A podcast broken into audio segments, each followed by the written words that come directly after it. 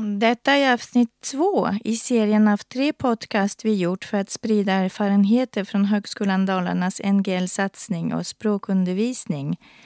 Jag heter Charlotte Lindgren och är lektor i franska. I detta avsnitt intervjuar jag läraren Olga Mattsson. Berätta kortfattat om dig och ditt NGL-projekt. Eh, jag heter Olga Mattsson och eh, jag är universitetsadjunkt i ryska. Och eh, har varit projektansvarig för ett projekt som heter Webbaserade digitala prov. Arbetade du ensam eller med andra? Jag arbetade tillsammans med en kollega från japanska avdelningen med Rieko Saito. Vad var syftet med projektet? Syftet med detta projekt var att eh, undersöka de möjligheter som finns för att genomföra webbaserade digitala prov. Eh, projektets fokus låg mest på att kartlägga behovet av eh, digitalt provverktyg hos språklärare samt på att hitta de lösningar som provverktygsprogram kan erbjuda för att möta deras behov. Kan du berätta lite om er metod?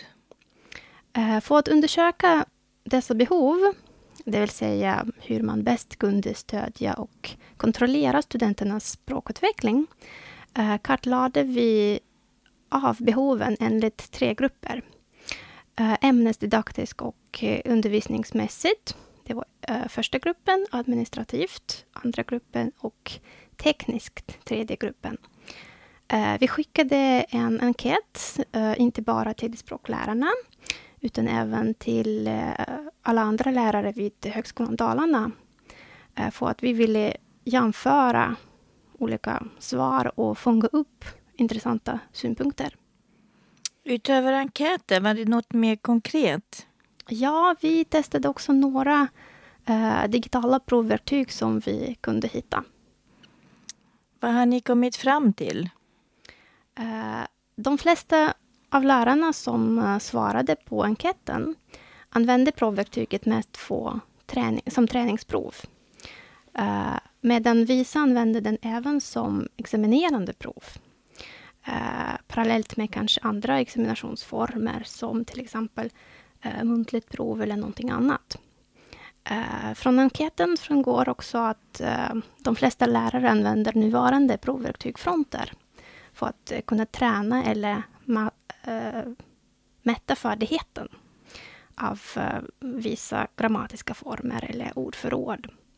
I lite mindre utsträckning används det också för att äh, träna på läs och hörförståelse, träna på alfabetet samt på sociolingvistisk kompetens. Fanns det en förklaring om varför lärarna använde provverktyget? Jo, de använde det mest för att effektivisera arbetet, både för sig själva och för studenterna. Eh, drygt 90 procent av språklärarna använde eh, provverktyget och cirka 70 procent av andra lärarna i andra ämnen påpekade att det var väldigt viktigt för dem att använda provverktyg. Fanns det några ämnen eller lärare som hade problem med provverktyget?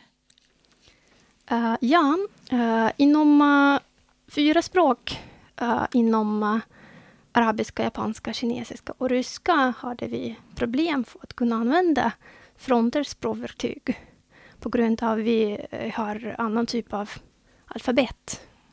Och det är de där stora begränsningar som vi har med just Fronter provverktyg. Ja. Vad blir nästa steg?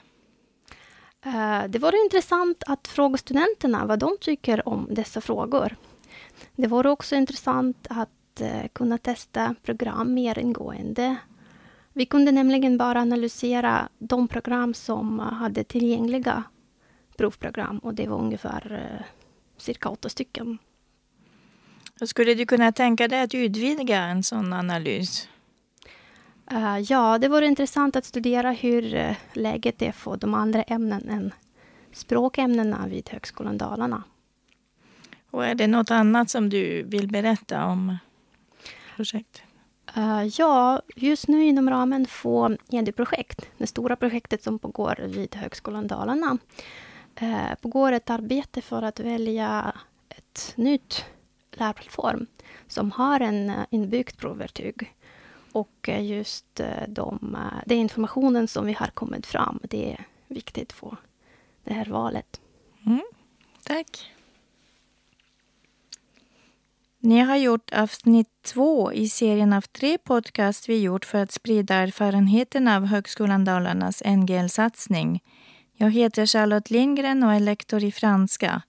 I nästa avsnitt intervjuar jag språkläraren Rieko Saikto.